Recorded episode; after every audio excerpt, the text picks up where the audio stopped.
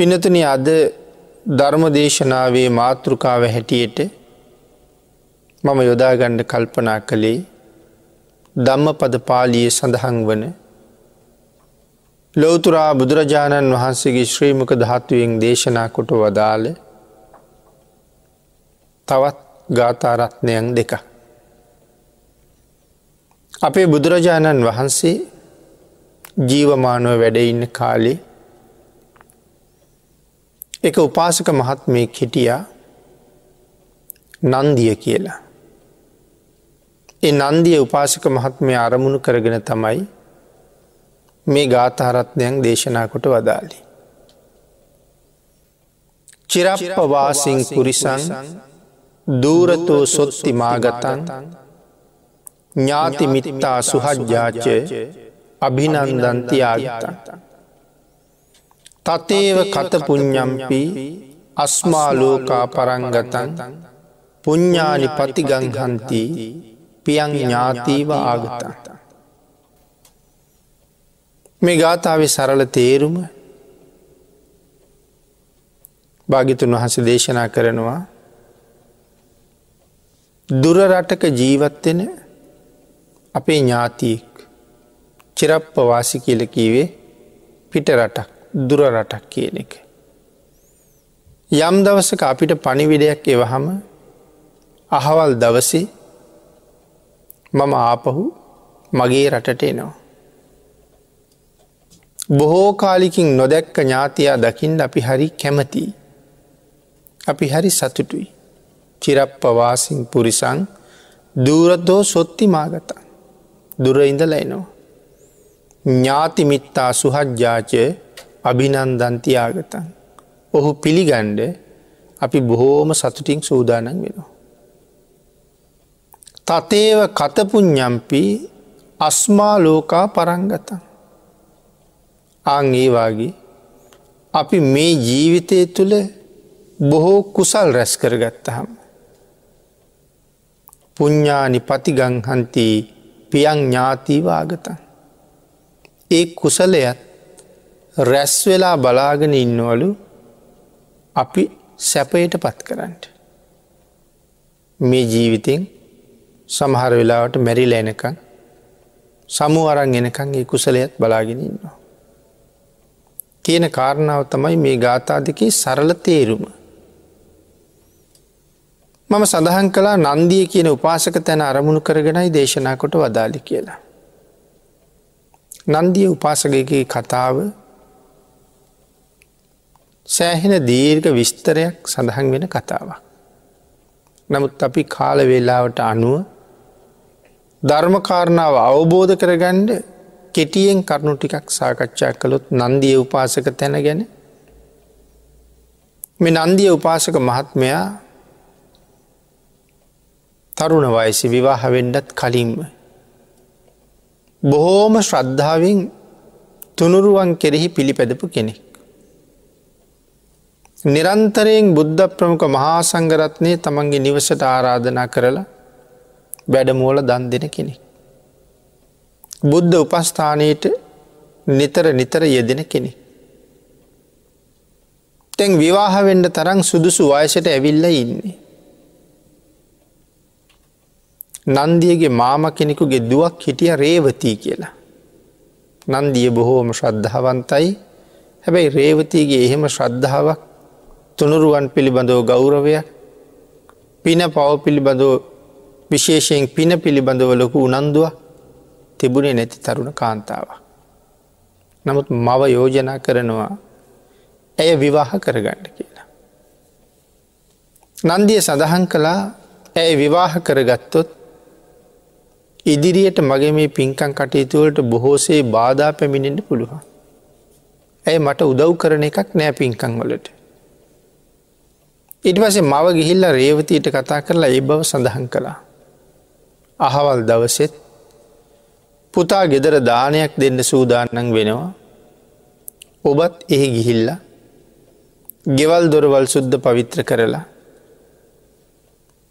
බුද්ධ ප්‍රමුඛ මහා සංඝයා වඩා හිඳවන තැන් පිළිවෙල කරලා මහා සංඝයා දානට වැඩියහම උන්වහන්සේලගේ පාත්තර ඉල්ලගෙන පිරිසිදු කරලා සෝදලා ගෙනල්ල ආධාරක නිසි තැන තියලා ඒ ආධාරක මත පාත්‍රා තැන්පත් කරලා නැවත දං වැළඳුවට පස්සේ ඒ පාත්‍ර ආයත් සෝදලා පිරිසිදු කරලා පිහලා උන්වහන්සේලාට පිළිගන්වලා මේ ආදී වශයෙන් ඒ කටයුතුවලට උදව් කරන්න කියලා. ඇයත් ඒ විදිහටම කටයුතු කළා. මව නැවතත් පුතාට සඳහන් කරනවා පුතේ දැන් රේවතී ගොඩක් හොඳයි. පින්කමටත් හුඟක් උදව් කලා නේද. එනම් ඇයි විවාහ කරගණ්ඩ කියලා. දිගින් දිගට අම්ම ඉල්ලීමක් කරන නිසා නන්දිය ඇය විවාහ කරගත්තා. විවාහෙන් පස්සෙත් පින්කංගොලට ඇය උදව් කළා. නන්දියගේ අම්ම තාත්තා මැරිල ගියා. නන්දිය රේවතීට සඳහන් කළා මා සතු මේ ධනය ඔබටම තමයි අයිති. නමුත් මම කරන පින්කං වලට ඔබෙන් මනා සහයෝගයක් මට ලැබෙන්ඩුවන කියලා. නන්දිය උපාසක මහත්මයට දවසක් වෙළඳාමියන්ට කටයුතු යෙදෙනවා. තික් සමහරලාට වෙළඳාමි ගිය හම මාස ගණන් අය එන්නේ නෑ. නමුත් රේවතිට සඳහන් කළා දැසි දස්සන්ද සමඟ මේ ධන සම්පත් වියදන් කරලා තුනුරුවන්ට දෙන දානයේ විදිහටම දෙන්ඩෝනේ. දුගී මගේ යාචකාදීන්ට දෙන දානෙත් ඒ විදිහටම දෙන්ඩෝනේ. හා කියල පොරුන්දුන් රේවති දවස්කීපයක් දන්දීලා මුලින්ම දුගියන්ට දෙනදානෙ නැවැත්තුවා. ඊට පස්සේ මහා සංඝයට දෙනදානෙත් නවත්තනවා.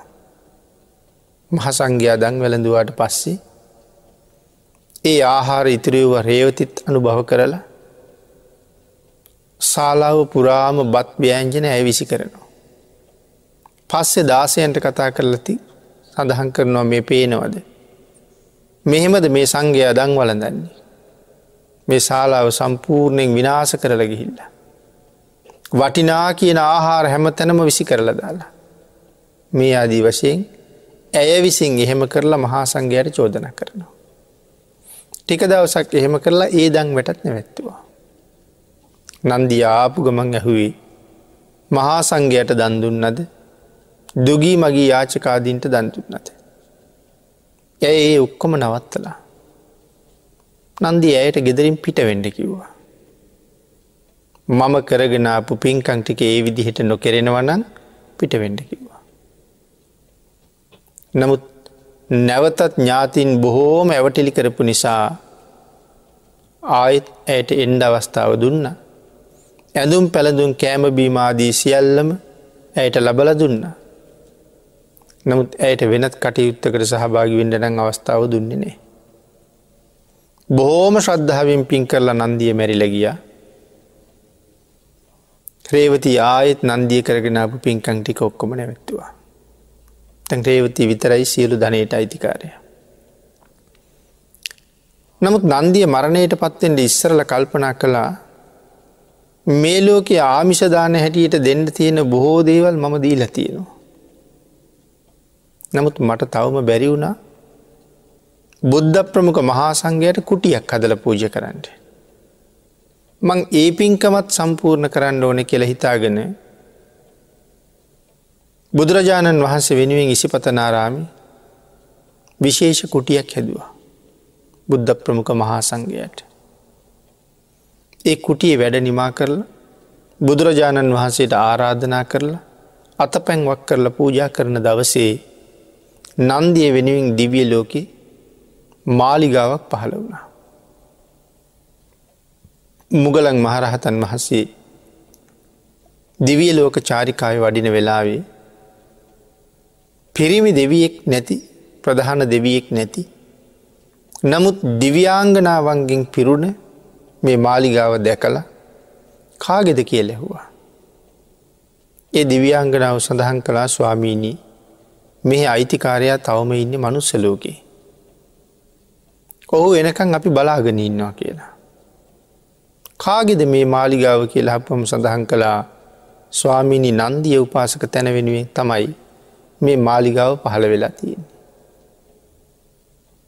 දිව්‍යංගනාව මහතෙරුන් වහන්සේට සඳහන් කලා ස්වාමීණී මනුස්ස ජීවිතය කියල කැන මැටි බැඳුනක් වගේ. දිව්‍යමය ආත්මයක් කෙලකෙන් රම්බඳුනක් වගේ. ඔබ වහන්සේ මනුලෝට වැඩියහම නන්දියට මතක් කරන්න ස්වාමීණි. මැටි බඳුන පස කලා රන් බඳුනක් වෙනුවෙන් දිවී ලෝකට වඩින්න කියලා.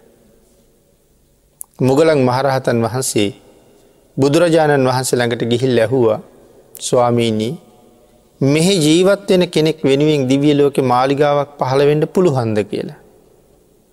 බුදුරජාණන් වහන්සේ ආපහු ඇහුවේ මොග්ගල්ලාන ඔබ තැනටත් ගිහිල්ල මාලිගාවත් දැකල කාගෙද කියල තොරතුරුත් දැනගෙන ආපහු මගෙන් අහන්ඩ අහවල් දෙයක්ද ඉතුරු වෙලා තියෙන කියලා.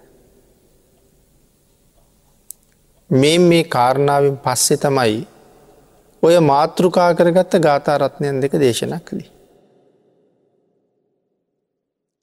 නන්දිය මරණයට පත් වෙලා ඒ මාලිගාවටම ගිය. හැබැයි රේවති එයින් පස්සෙත් දංවට නතර කළා. මහා සංඝයට දිගින්දිගට චෝදනා කළා. මේ වෙලාවේ වෙසමුණි කියන දිව්‍යරාජයා යක්ෂයන්ට අධිපති. මනුස්සලෝකෙට යක්ෂයෝ දෙන්නෙක් එවල ඒ යක්ෂයන්ට කිව්වා මේ මුළු නගරයට මැහෙන්ඩ ගිහිල්ල කියන්ඩ තවත් දවස් හතකින් රේවතී නිරේට අරං යනවා කියලා. යක්ෂයෝ දෙන්න මනුස්සලෝකට ඇවිල්ල.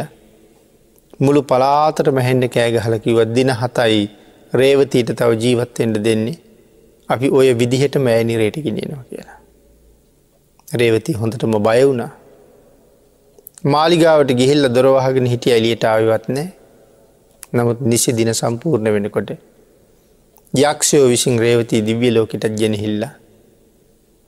දිව්‍ය විමානයත් පෙන්නලා කාගෙද කියන කාරණාවත් කියලා රේවති එහි නතරවෙන්ඩ කැමැත්ත ප්‍රකාශ කළත් රේවතීට සුදුසු තැනටම අරගෙන ගිය. ප්‍රේවති තාමත් නිරේ දුක් විඳිනව ඇති. නන්දිය තාමත් දෙව්ලෝ සැප විඳිනවා. මේ කාරණාව පදනම් කරගෙන තමයි භාගිතුන් වහසේ අපි මුලින් සඳහන් කරපු ගාථාවන් දේශනා කළ බව සිහිපත් කළේ. කිරප්පවාසිං පුරිසං දූරතෝ සොත්ති මාගතන් ඥාතිමිත්තා සුහජ්ජාචය අභිනන්දන්තියාගතන්. අපි මුලින් ගාථාරත්නය තේරුම කෙටියෙන් පැහැදිලි කළා. චිරප්ප වාසි කියල කියන්නේ දුර රටක් පිට රටක්. තමන් ඉපදිච්ච රට හැර අනික් හැම රටකටම අපි කිවේ පිට රට කියලා. ඒක ඉච්චිරප්ප වාසි කියල කිවි. ආං ඒවාගේ දුර රටක බොහෝ කාලයක් ජීවත් වන ඥාතියෙක් ආපහු අපි ගාවට එනකොට අපි බොහෝම සතුටින් තමයි ඔහු පිළිගණ්ඩ සූදානන් වෙන්නේ. ඥාතිමිත්තා සුහජ්ජාචය අභිනන්දන්තියාගතා. එනවා කියල කියහම පිළිගන්න සූදානන් වෙනවා.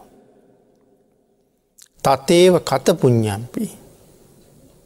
අන්න ඒවාගේ තමයි මේ ලෝක අපි කරන පින්කං අස්මා ලෝකා පරංගත.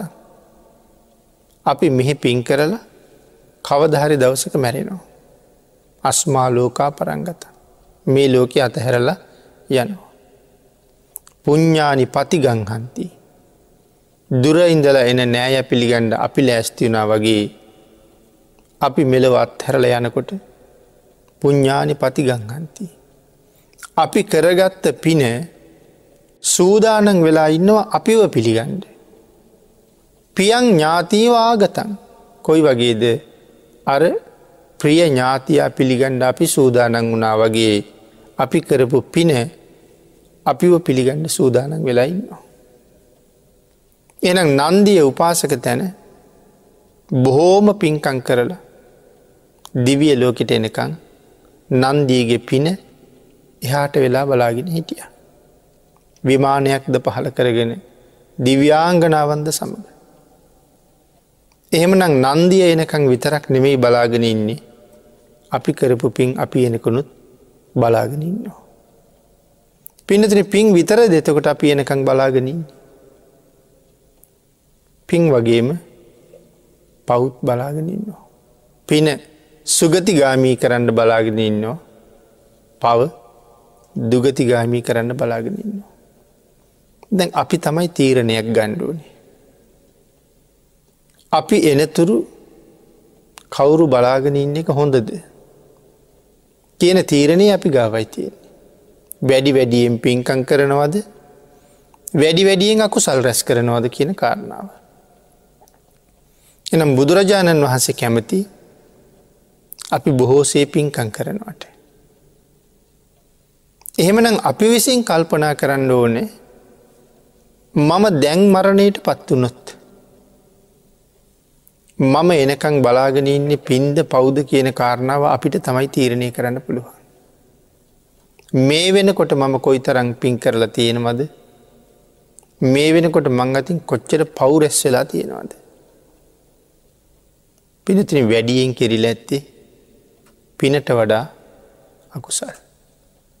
ඒක තමයි සාමාන්‍ය ස්වභාවය. අපි ඇතින් පින් කෙරෙන්නේ බොහොම බොහොම අඩුවී. අද කෙනෙක් බනාහනුව කියල කියමු. දවසකට කෙනෙක් පෑ පහක් බණහනවා. එතකොට දවසකට පැෑතියෙනවා විසි හතරක්. පැය විසි හතරෙන් පැය පහක් බණ අහල තියෙනවා. තවත් පැය දහනමයක් තියෙනවා. මේ පැය දහනමය තුළ අපි ප්‍රමාද වෙච්ච පෑගානකුත් තියෙනවා.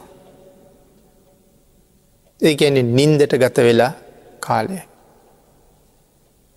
තවත් කෙනෙක් එක ඔහේ කතා බහ කර කර ඉඳලා තවත් පැයක් දෙකක් තුනක් ගෙවල දාලා. ඒ ඔක්කොම ප්‍රමාද වෙච්ච කාලය. අප්‍රමාදී වනානං මේ පෑ විසි අතරෙන් අර බණ අහපු පැය පහවිතරයි. අර ප්‍රමාදී කාලය තුළ අපිට මොනවද රැස්සුවී. කෙනෙක් එක කතා කර කර ඉන්නකොට සම්ප ප්‍රලාප කොයි තරන් කියන්න ඇද. කේලං කොයි තරන් කියවෙන්න ඇද්ද. බොරු කීයක් කියවෙන්න ඇද්ද. මේ හැමතනම රැස්වනේ අකුසල්. වචනයෙන් කෙරෙන අකුසල් බොහොමයක් සිද්ධ වුණා. නින්ද යනකං නිදාගෙන ඉන්නකොට නිදියහන ඉන්නකොට රාගසිතවිලි කොච්චරෙන්ට ඇත්ත. එදිනෙදා කටයුතු කරනකොට දවේශසිතවිලි කොච්චරෙන්ට ඇත්ත. මෝහසිතුවිලි කොච්චරෙන්ට ඇද. ලෝබසිතුවිලි කොච්චරෙන්ට ඇද. මේ ඔක්කොම කුසල් සිද්ද මේ සේරම අකුසල් සිත්. එහෙමනම් ගත වෙන හැම මොහොතක් මොහොතක් ගානෙම එක්කො රාගසිතක් නැත්තං දවේශසිතක් නැත්තං මෝහසිතක් එහෙම නැත්තං ලෝබසිතක් මේ වගේ සිත් තමයි අපිට පහළවෙන්. ඒකක්වත් කුසල් සිත්නං නෙමේ. එහෙනම් දවස පැවිසි හතර ගත්තහම කොයි තරං අකුසල් රැස්සෙනවාද. පැය පහක් බණැහුව කියල කීවට ඒ පැය පහ පුරාම කුසල්ම වැඩුනද බණහන අතරෙත් තරහ යනවා. අපි බණහනෝ තව කවුරු හරි කෙනෙක් එහැ පැත්තේ සද්ධ කරනවා. එතකොට එයාටත් කෑගහනවා. අපි බණහන අතරේ පොඩි අය ගෙදර සෙල්ලං කරනවා. ඒ සද්දෙත් බාධාවක්. එතකොට ඒ අය ගැනත් කේන්තියනවා. සමහර වෙලාවට බණහන අතර විදුලිය විසන්දි වෙනවා. ඒ සම්බන්ධයනුත් කේන්තියනවා. එන මේ බණ අහන අතරෙත් අපිට හරියට අකුසල් රැස්සෙනවා. එන මේ කාරණා ඔක්කොම එකතු කරලා ගත්හම පැය විසි හතුරතුර වැඩියෙන්ම සම්පූර්ණ වෙලා තියෙන්නේ අකුසල්. කුසල් සිද්ධ වෙලා තියෙන අඩු ප්‍රමාණයක්. ඊට අමතර අපි ඇතින් පන්සිල් උල්ලංඝනය වුණාන. යම් යම් සිල්පද බිඳුනන එතනත් වෙනම අකුසල් සමුදායක් රැස් වෙලා. එමන ඉපදිච්ච කාලීඉඳලා අද මේ වයස වෙනකම්ම කල්පනා කරලා බැලුවොත් වැඩියෙන් පිරිල තියෙන්නේ අකුසල්. එහෙමනම් දැන් මරණයට පත්වනොත් හෙට මරණයට පත්වනොත් අපි එනකං වැඩියෙන්ම බලාගෙන ඇත්ති කවුද අකුසල්. ඒ කාරණාව හරියට දැනගත්ත හම අපි වැඩි වැඩියෙන් කළ යුත්ති කුසල්. දැම් මේ කියන කාරණාවත් එක්ක කොහොමත් එහෙනම් අපි දිහා වැඩියෙන් බලන්නේ පව්. ගොද වැඩියෙන් කෙරෙන්න පවුන්නේ. එහෙනම් ඇත්තටම අනාරක්ෂිතමද නමුත් මෙන්න මෙහෙම රැකවරණයක් තියෙනවා. පවද බලවත් පිනද බලවත් කියල ප්‍රශ්නයක් ඇහූ. අපිට මොකක්ද දෙන්න තියෙන උත්තරේ. හැම වෙලාම කුසල් බලවත්. අපට තියෙන මහගු සහනයක් එක. කුසලය බලවත් කියල කියන්න උදාහරණයක් දෙකක් කතා කළුත්. මනුස්සලෝක කරන්න තියෙන ලොකුම පාපකර්මය ආනන්තරී පාපකර්ම එහෙම පාපකර්ම පහක් තියෙනවා. මෙයින් එකක් යම් කෙනෙක් කළුත් ඔහුව නිරයෙන් නිදහස් කරන්න තව කාටවත් පුළුහන්ද නිරය කියලකි අවීචියම තමයි නතරවෙන්නේ. අවීචිය ඉපදුනොත් විශේෂයෙන් අවීචයේ ආවිෂ කොච්චරද අන්තර්කල්පයයි. අන්තර්කල්පයයි කියල කියහම් මනුස්ස වර්ෂ කොච්චරැක් වීද. අසංක්‍ය අසූ හය ලක්ෂ හතලිස්දා දැන් අසංක්‍ය දන්නවනේ එකයි බින්දු එකසිය හතලිහකින් තමයි අසංකෙලිය.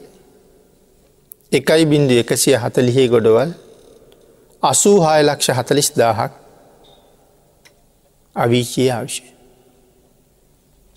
ආනන්තරිය පාපකර්මයන්ගෙන් එකක් කළොත් අවිචිය උපදින්න සිද්ධ වෙනවා. ඒක තමයි මනුස්ස ලෝක කරනවනන් කරන්න තින ලොකුම අකුසල කරමය. මිත්‍යා දෘෂ්ටිය හැරුණහම මිත්‍යා දෘෂ්ටිය ඊටත් වඩා බලවත්.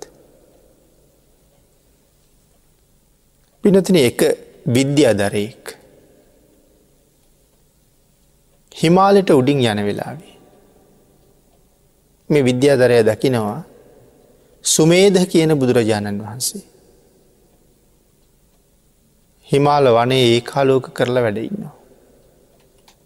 බුදුරජාණන් වහන්සේගේ ශරීර දහත්තුවෙන් නික්මෙන බුද්ධ රශ්මිය හිමාල වනපෙතට ඉහලින් විහිදෙනවා හරියට කොයි වගේද. උන වනාන්තරයකට ගිනිතිය හම රාත්‍රයට අපිට දැක්ක හැකි අර උන කොළෝලට ගිනියවිලිලා ඒ ගිනි දඹුව අහසට විසිරෙනකොට මොන තරං ලස්සනද. බුදුරජාණන් වහසගේ බුද්ධ රශ්මියත් වන පෙතර ඉහලින් මුළු අනාන්තරයමත් ඒ කාලෝක කරලා විහිදෙනවා. මේ විද්‍යාදරය දැක්කා කාගෙන්ද මේ රශ්මිය විහිදෙන්නේ.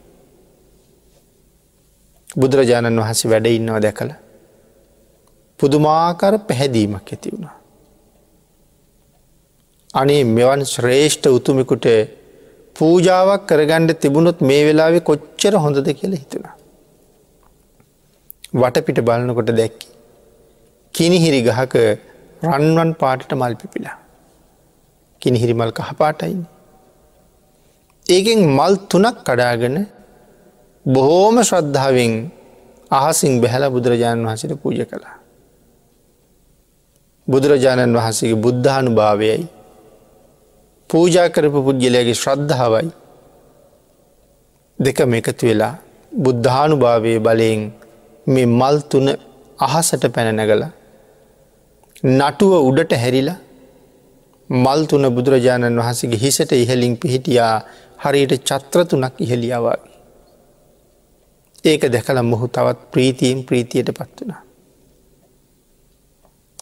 ආං ඒ විද්‍යාදරය මරණයට පත් වෙලා මහාකල්ප තිස්දාහ දෙව්ලවයි මනුලවයි විතරයි ඉපදෙන්.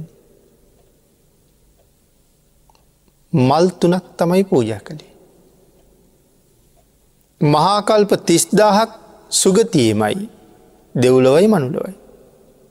නමුත් ආනන්තරිය පාපකර්මයක් කරලත් අන්තර්කල්පයක් අවිචයන්නේ. එතකොට පවේ ශක්තිය කොච්චර හීනද දැන් එහෙම සඳහන් කරහම අපි පව් කරන්න බය නැතිවෙන්ඩ දෝනේ පවේ බලය අඩුයි පිනේ බලය වැඩී කියලා ආපහු පව් කරන්න පටන් ගන්න එකද කරන්න ඕනේ. පවේ බලය අඩුයි කියලා මෙතන සඳහන් කලාට අන්තර් කල්පයක් අවිචිය ඉන්න පුද්ගලය අවිචයෙන් නිදහස් වෙච්ච ගවම්ම ආපහු සුගතියටයිද.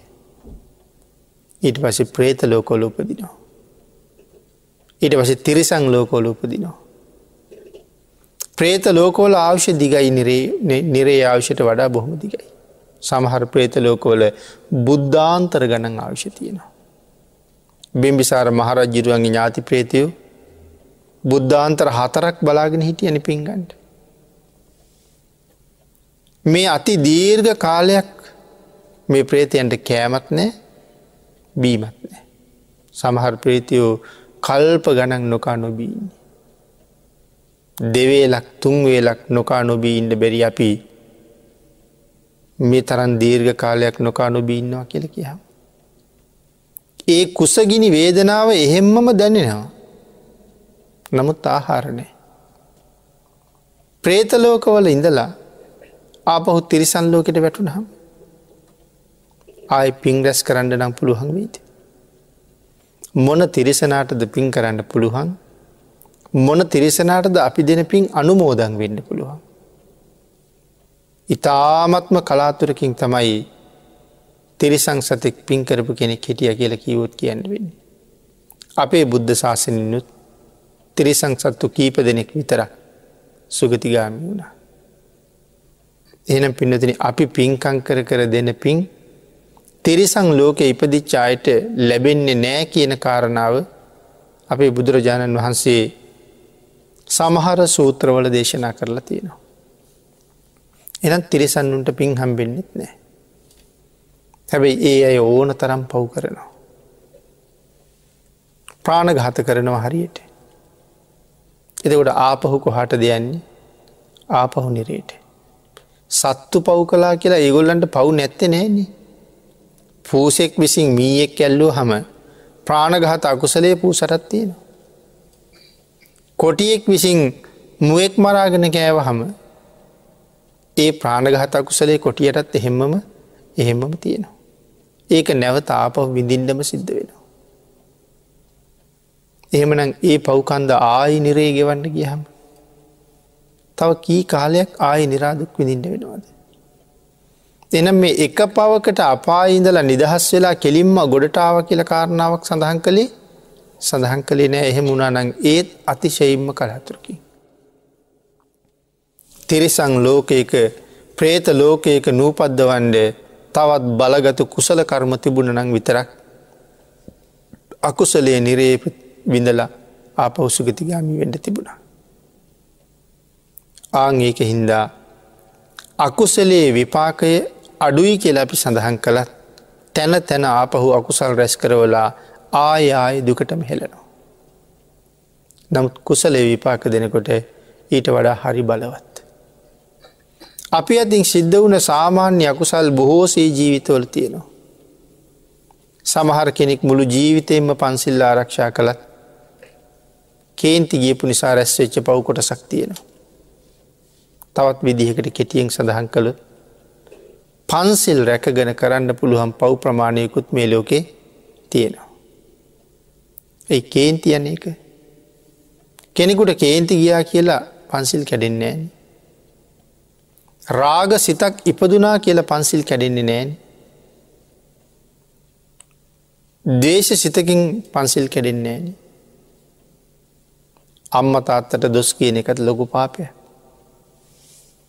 ඉතින් අපි අම්මට තාත්තට බැන්න කියල මොනයම්ම හේතුවක් නිසා හෝ. ගුරුවරයකුට මහා සංඝයට බැන්න කියල දේශ සිතින් අපි පන්සිල් කැඩුන් නෑන. නමුත් අපි තවත් බලවත් අකුසල් සමුදායක් රැස් වෙලා තියෙනවා. එහෙනම් සිල් රැකගෙන අපි ඇතින් කෙරෙන පව් ප්‍රමාණයකුත් තියෙනවා. අං ඒවාගේ කාරණවලින් පේන්නේ වැඩි වැඩියෙන් කොයි පැත්තෙන් හරි පව් රැස්සෙන්ට තියෙන ඉඩකඩම ඉඩකඩම වැඩි. නමුත් කුසලයත් බලවත් නිසා සිල් රැකපු පුුණ්්‍ය ශක්තියක් තියෙන නිසා මෙන්න මේවාගේ කර්ම එහෙම්මම ඉතුරු වෙලා තියෙනකොට සමහර වෙලාවට අපට සුගතියට යන්ඩ වාසනාව හොඳටම තියෙනවා. ප්‍රඥ්ඥාවන්තයා සුගතියෙන් සුගතියට යන්ඩ කටයුතු කරගන්නවා. මෙලවත් ප්‍රඥ්ඥාව තියෙන කෙනෙක් තමයි පින් කරන්නේ.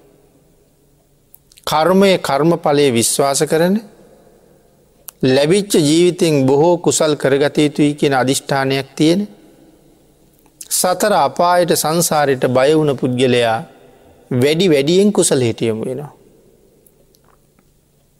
යටත් පිරිසෙන් තමන්ගේ ජීවිතෙන් මනාව පන්සිල්වත් සම්පූර්ණ කරගණ්ඩ කටයුතු කරනවා. පිනතුන අපේ ශාසනී අසූ මහාශ්‍රාවකයන් වහන්සේ නමක් හිටිය යසෝජ මහරහතන් වහන්ස කියලා. කාශ්‍යප බුදුරජාණන් වහන්සේගේ කාලේ හොරනායකෙක්. තමන් යටතේ හොරු පන්සීයක් ඉන්නවා. ගං ගෙවල් බිඳගෙන හොරකං කරගෙන මංකොල්ල කාගෙන යනකොට එක ගමක මිනිස්සු එකතු වෙලා කැති පොළු අරගෙන හොරුන්ට පන්න ගත්තා. දැන් හොරු දුවනවා මිනිස්සු එලවනවා. දුවගෙන දුවගෙන ගිහිල මහ වනාන්තරයකට ඇතුල්ලුණ. ආරක්ෂාව හොයාගන්ට. හැන්ගෙන්ට තැනක් කොහෙවත් තියෙනවද කියලා වටපිට බැලුව. එහෙම මානයක් පේන්නේ වැඩි වෙලා තැන් හොය හොය ඉන්ඩත් බෑ මිනිස් වෙලවාගෙනනවා. හදිස්සියම දැක්ක හාමුදුරු කෙනෙක්කින්නවා. ඉක්මනට පන්සිය දෙනාම හාමුදුරුවගාවට ගිහිල්ල කිව අනේ ස්වාමීනි අපි බේරගන්නඩ කියලා. මෙහෙම සිද්ධියක් වුණා කැති පොළු අරගෙන එලවනෝ අපි බේරගණ්ඩ කියල කිව්වා. ද හාමුදුරුව කොහොමද මේ ගොල්ලු බේරන්නේ. හංගණ්ඩ තැනක් නෑ. නමුත් උන්වහසයට ප්‍රඥාවන්තයි. උන්වහස මේ සියලු දෙනාටම සඳහන් කළා හැමෝම නමස්කාරය කියන්න කියලා. සියලු දෙනාටම නමස්කාරය කියන්න කියලා මේ පන්සිය දෙනාම තිසරණය පිහිටෙව්වා. පන්සිය දෙනාටම පන්සිල් සමාදන් කිරව්වා. හාමුදුරුව පන්සිය දෙනාටම සඳහන් කළා ඔබ මැරුවත් මේ සිල්පද පහින් එකක්වත් කඩාගණ්ඩ එපා. මේ තිසරණය ගැන කවදාවත් සැක උපදවන්න එපා. මැරුවත් සරණ සිල් බිඳ ගණ්ඩ එපා කියල සඳහන් කළා. ඒම සඳහන් කරලා යන්න කීවා. එතකොට දැන් හාමුදුරුව මේ අයට ආරක්ෂාවක් දුන්නද. අපි බලාපොරොත්තුවෙන කොහේරි ගෙනහිල්ල හංගයි හැන්ගෙන්ට තැනක් කියයි නමුත් ප්‍රඥාවන්තය කියම කරන්නේ. මේගොල්ලු පන්සිල් අරගෙන යනකොට මගදී ගම්යසිෝ ආයමුණ ගැහුණ. පන්සිය දෙනාම ඇන්නල්ල කපල කොටල මරල දෙම. මරපු මර පුද්ගලයා මරණයත් මරණයත් එක්කම ගිහිල්ල උපදින්න දිවිලෝකි. මොකක්ද හේතුව තිසරණ සහිත පන්සිල්ලොල තියෙන ආනිසන්සේ. අදත් යම් කෙනෙ බුදුරජාණන් වහන්සේ ළඟ පොරොන්දුවක් දෙනවන. මහා සංඝය ළඟ පොරොන්දුවක් දෙනවන. ස්වාමීනී අද මේ මොහොතේ ඉඳලා. මගේ ජීවිතය නැති කළත් මම සිල් පදයක් නම් කඩන්නේ නෑ. හැබැයි ඔය පොරොන්දුව ලේසිද ඔය සිල්පදේ ආරක්ෂා කරන්න පුදුම සිහියක් තියෙන්ට ඕනේ. අන්න ඒකයි සති පට්ටානේ නිතර ප්‍රගුණ කරන්න කියල භාගිතුන් වහස දේශන කරන්න. ඔය සතිය මේ ජීවිතයේ අහවල් තැනට ප්‍රයෝජනයට එන්නේ නෑ කියල කියන්න තැනක් කියන්න තැනක් නෑ. හැම වෙලාම මනා සතිපට්ටානයක පිහිටලා ඉන්ඩෝනේ. මෙහෙම පොරොන්දුවක් දුන්නොත් ස්වාමීනි දිවි හිමියෙන් පන්සිල් උල්ලංඝනය කරන්න නෑ කියලා. කල්පනා කරන්න ඕන හදිස්සියේ ගෙදර යනකොට. කිඹුලෙක් ඇවිල්ල දරුව ඇදගෙන යනවා. දරුව කෑගහනෝ කිඹුල ඇදගෙන යනවා. දරුසෙන හැස වැඩී කිඹුලගින් දරුව ගලවන එකත් පහසු නෑ අපිට නම් හදිස්සේම මතක් වෙන්නේ උදැල් කැත්ත කඩු කිඹුල කපල හරි දරුව බේරගන්ට. නමුත් ආපහු සිහියට එනවා එහෙම වුණොත් ඇයිමන් සමාදන් වෙච්ච සීලේ.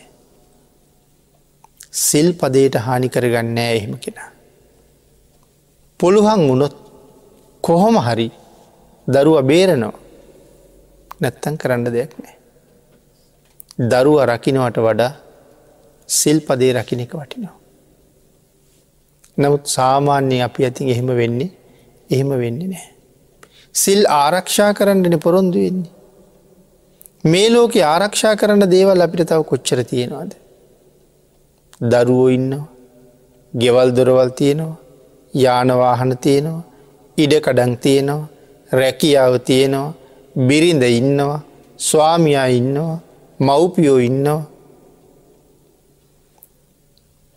තමන්ගේ රැකියාව ආරක්ෂා කරගණ්ඩ බොරු කියන කී දෙනෙක් ඉන්නවාද. තමන්ගේ රැකියාව වෙනුවෙන් පව් කරන කී දෙනෙක් ඉන්නවාද. සමහර පුද්ගලයෙක් ගව වැඩ කරන කෙනෙ ඒ පුද්ගලයාගෙන් ලැබෙන ධන සම්පත් නිසා වරප්‍රසාද නිසා වෙනත් පුද්ගලයකුගේ ආරක්ෂාව දෙසා අනුන්ගේ ජීවිත කීයක් විනාස කරන අය අපි ජීවත්වෙන මේ සමාජය ඉන්නවාද. ඉඩ කඩන් නිසා සත්තු සිව්පාව මරණවා. ඉඩ කඩංගොලට ගහමරා ගණ්ඩි ගිහිල සමහරලාට සහෝදරයට පවා ජීවිත හානියක් කරන ඉන්න. අම්මට තාත්තට ජීවිත හානි කරන ඉන්න. බිරිඳ නිසා මිනිස්සු මරණ ඉන්න. දරුවෝ නිසා නොයෙක් අකුසල් කරන මව්පියෝ ඉන්නවා. එතකොට දැන් ඒ ඒ වස්තු ටික රකින්ඩ කොච්චර අකුසල් කරනවාද. නමුත් අපි කියන්නේ සිලුත් රකිනවා කියලා. එනම් දරුව රකිනවා වගේම අපි සිලුත් රකිනවාද කියලා කල්පනා කරන්න ඕනේ. එහෙම වෙන්න න දරුව වෙනුවෙන් ඕන තරන් සිල් කඩනවා. රැකියාව වෙනුවෙන් ඕන තරන් සිල් කඩනවා. නමුත් සිල් බිඳගෙන නමුත් හදාපු දරුවෝ සමහර වෙලාවට ලොකු මහත් වෙලා. ඒගොල්ලො රැකී රක්ෂාදිය හොයාගෙන වයස් ගත ජීවිතය ඉන්න අපි ඒගොල්ලන්ට කරදරයක් වෙන්න පුළුවන්. එහෙමුණුත් එයාලා අපි ගෙදරින් පන්නල දාන්නත් පුළුවන්. එදා මම සිල් බිඳගෙන ඒගොල්ලො හැක්කා. නමුත් අද මට ඒගොල්ලන්ගේ සරණකුත් නෑ අද මංගව සීලෙකුත් නෑ ඒගොල්ල වෙනුවෙන් සීලයත් බිඳගෙන. නමුත් දේශනා කළේ දිවි හිමියෙන් ඉස්සරලම මේ සිල් රකිින්ඩ පොරොන්දුනොත්. කෙනෙක් ස්තීර අධිෂ්ඨානයක් දෙනවා දරුවට අරවාගේ කරදරයක් වුණත් සතානක් මරන්නේ නෑ. ඕක හරියටම පිහිට ලපුරුන්දු වෙලා නැගිටිනකොට පිටි පස්සෙන් ඉදල පිහියෙන් එන්නත් යන්න නෑ දුගතියක. සීලයේ කුසලේ බලය එත් තරම්ම ශක්තිමත්. ඒමනං දුර ඉන්න ඥාතියා පිළිගණ්ඩ එනකොට අපි සූදානන් වෙනවා වගේ. මේ ලෝකයේ තුනුරුවන්ට කීකරුව බොහෝම කුසල් රැස් කරගත්ත අපි පිළිගණ්ඩ අපේ පිනත් සුගතිය බලාගෙනන්න. අපි තමයි තීරණය කළ යුත්තේ මේ වෙලාවෙ මාව පිළිගණ්ඩ කොච්චර කුසල් රැස්වෙලා ඇද්ද. ඒ ප්‍රමාණයේ ඇද්ද නැත්තන් තව එකතු කළ යුතුද. පින තව එකතු වෙනවා කියල කියන්නේ සැපය වැඩි වෙනවා කියන එකයි. අගේ හින්දා. වැඩි වැඩියෙන් ලැබිච්ච ජීවිතයෙන් බොහෝ කුසල් කරගන්න එක තමයි කළ යුත්තේ. ඒ කුසලේ පස්සට දාණ්ඩ කාලයක් තියෙනවද අපට තියෙන බොහොම කෙටි කාලයයි. දැන් අපේ ජීවිතවල සෑහෙන කාලයක් ගෙවිල ගිහිල්ලා. පින් කරන්න තව ලොකු කාලයක් නෑ මොකද අපිට තව ලෙඩ වෙන්න තියෙනවා. දැන් ලංවෙලා ඉන්න ලෙඩ වෙන කාලෙට. එහිද ලෙඩ වෙලා එක් තැන් වෙන්න කලින් කොහොම කොහොමරි තව ටිකක් පින් කරගන්න එක තමයි වටින්නේ ඒක තමන්ට එකඟව තුනුරුවන්ට කීකරුව බොහෝ කුසල් රැස් කරගණ්ඩ හැම මොහොතක්ම වැෑ කරන එක වටිනවා. ආං එවන් පුද්ගලයා මරණයෙන් පස්සේ සුගතියෙන් සුගතියට ගිහිල්ලා සතුටින් සතුටට පත්වෙනවා. එය තේරුම් නොගත්ත පුද්ගලයා දුගතියෙන් දුගතියට ගිහිල්ලා අන්තාසරණ වෙනවා. ධර්ම දේශනාවට තියෙන කාලයේ නිමා වෙලා තියෙන නිසා. හැම වෙලාම මේ ජීවිතය කුසලයෙන් පෝෂණය කළ යුතුයි කියෙන උතුම් අධිෂ්ඨානය ඇති කරගෙන තුනුරුවන්ගේ ආශිරුවාදයෙන් ඒ උතුම් අධිෂ්ඨානය මුදුන් පත් කරගණ්ඩ නිරන්තරයෙන් අපට ශක්තිය දහිරිය භාග්‍ය වාසනාව උදාවේවා කියල ප්‍රාර්ථනා කරමු.